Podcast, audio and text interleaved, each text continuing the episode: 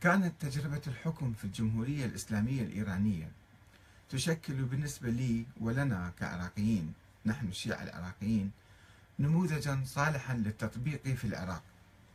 وكنا في منظمة العمل الإسلامي التي كنت أحد قياديها في ذلك الوقت أقرب ما نكون إلى نظرية ولاية الفقيه التي قام على أساسها النظام الإيراني حيث كنا ندعو إلى نفس النظرية في العراق. ولكن النظرية لم تكن واضحة لدى الجميع بالتفصيل ومنذ البداية. ولذلك عندما سمعت خطاب الإمام الخميني وهو يطرح الولاية المطلقة قررت قبل ذلك عفوا ولذلك عندما ذهبنا إلى إيران ولذلك قررت منذ السنوات الأولى لوصولي إلى طهران دراسة التجربة الإيرانية بدقة. وقد أخذت على الدستور الإيراني الأول اللي أقر سنة 79 أنه لا يعطي الفقيه صلاحيات كاملة في الحكم ويشرك معه رئيس الجمهورية. وتمنيت لو أن الخبراء الذين وضعوا الدستور في المجلس التأسيسي أن يعطوا الفقيه ولاية كاملة بمنحه حق تشكيل مجلس خبراء ومجلس وزراء. ولا يدسون في الدستور نظريات ديمقراطية غربية ليبرالية. هكذا اعتقدت هكذا كان موقفي في 79 وكنت أقف نظريا إلى جانب الحزب الجمهوري الإسلامي في صراعه مع رئيس الوزراء مهدي بازرقان ورئيس الجمهورية الأول أبو الحسن بن صدر. وفي سنة 1988 طبعا أود أن أشير لكم هنا. أيضا. آه، أننا كنا نؤمن بنظرية ولاية الفقيه منذ الستينات في منظمة العمل أو ما تسمى الحركة المرجعية التي وقفت ضد تشكيل حزب الدعوة لأنه آه، يقوم على أسس غير مرجعية أو غير دينية. يستورد النظام الغربي مثلا بتشكيل الحزب وفي انتخابات وما شابه. فرفضنا هذا الشيء وآمنا بقيادة الفقهاء المراجع. آه، وكان كتابنا المهم في هذا المجال هو كتاب السيد حسن الشيرازي كلمة الإسلام الذي نشره سنة 1963 وهو يؤكد على شرعية الفقهاء المراجع فقط وعدم شرعية الأحزاب الإسلامية كتبه ضد نظرية حزب الدعوة. فنحن كنا امتدادا لهذا الفكر وكنا نؤمن بهذه العقيدة. وفي سنة 1988 حدثت أزمة في إيران بين مجلس الشورى ووزارة العمل وبين مجلس صيانة الدستور يعني مجلس الشورى ووزارة العمل من جهة ومجلس صيانة الدستور يسموه بإيران نقهبان حول قانون العمل حدثت أزمة أزمة قانونية يعني الذي قدمته الحكومة وأقره مجلس الشورى ثمان مرات خلال ثمان سنوات. كل سنة يقرون هذا القانون قانون العمل لصالح العمال يعني. ومجلس النقهبان أو مجلس صيانة الدستور يرفض هذا القانون.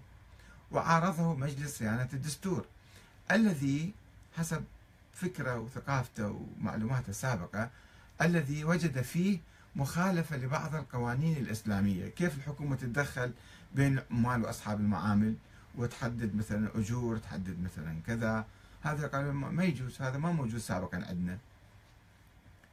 وهنا بعد ثمان سنوات من فشل مجلس الشورى في إقرار هذا القانون استعان وزير العمل بالإمام الخميني وطلب منه دعم القانون خوفا من تحول العمال إلى الشيوعية والمعارضة اليسارية لأنه هذا ما يكفلهم حقوقهم وإذا ما عندهم حقوق راح يثورون ويتمردون. فأجاز له الإمام العمل بالقانون. قبل أن يأخذ صيغته القانونية النهائية الصيغة الدستورية.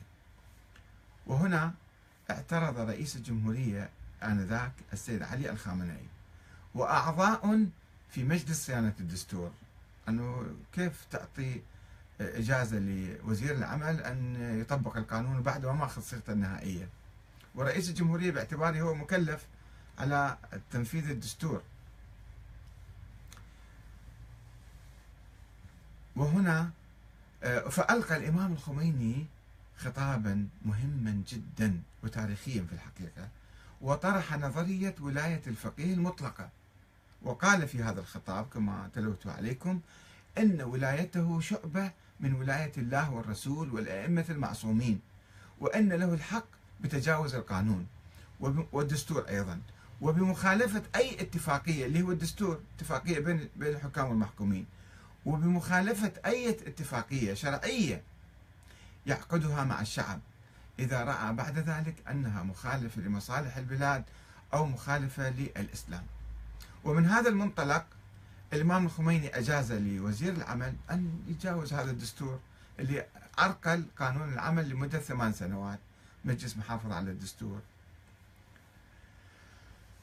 وأنا كنت أدرس التجربة يعني فتح عيني على التجربة أشوف هاي التجربة كيف تسير وكيف تصير وكيف ممكن نستفيد منها ونطبقها في العراق. وقد استوقفني هذا الخلاف الدستوري وأحيا لدي رغبة قديمة في دراسة التجربة الإيرانية. فقررت القيام بدراسة اجتهادية دقيقة لموضوع ولاية الفقيه من مصادرها الأصولية والفقهية القديمة. وهنا أعانني المرجع الحالي السيد صادق الشيرازي حفظه الله أعطاني كتب أصولية وأبحاث قديمة كتب نادرة يعني حتى أقوم بهذا البحث أيضا. واشتغلت سنة كاملة على هذا الموضوع. ودرست الموضوع في مئة حلقة مئة درس في حوزة القائم. وحصلت لي بعض الملاحظات البسيطة بعد سنة كاملة من البحث والإجتهاد التي اختلفت فيها عن رأي الإمام الخميني. ملاحظات بسيطة. و وقبل وبالذات يعني أنه شرعية الفقيه من أين تأتي؟ هنا هذا سؤال مهم كان في أثناء بحثي ودراستي. شرعية الفقيه تأتي من الشعب وبالتالي هو الذي يحدد صلاحيات الفقيه. أم شرعيته تأتي من السماء من الغيب من الإمام المهدي فهي صلاحيات مطلقة ولا علاقة له بالشعب. حتى لو وقع اتفاقية مع الشعب فله الحق أن يلغيها من طرف واحد من حق إذا كان شرعيته من السماء. أما إذا كانت شرعيته من الناس حسب الاتفاق فكيف يجوز له أن يتجاوز هذه الحدود المرسومة له في الولاية؟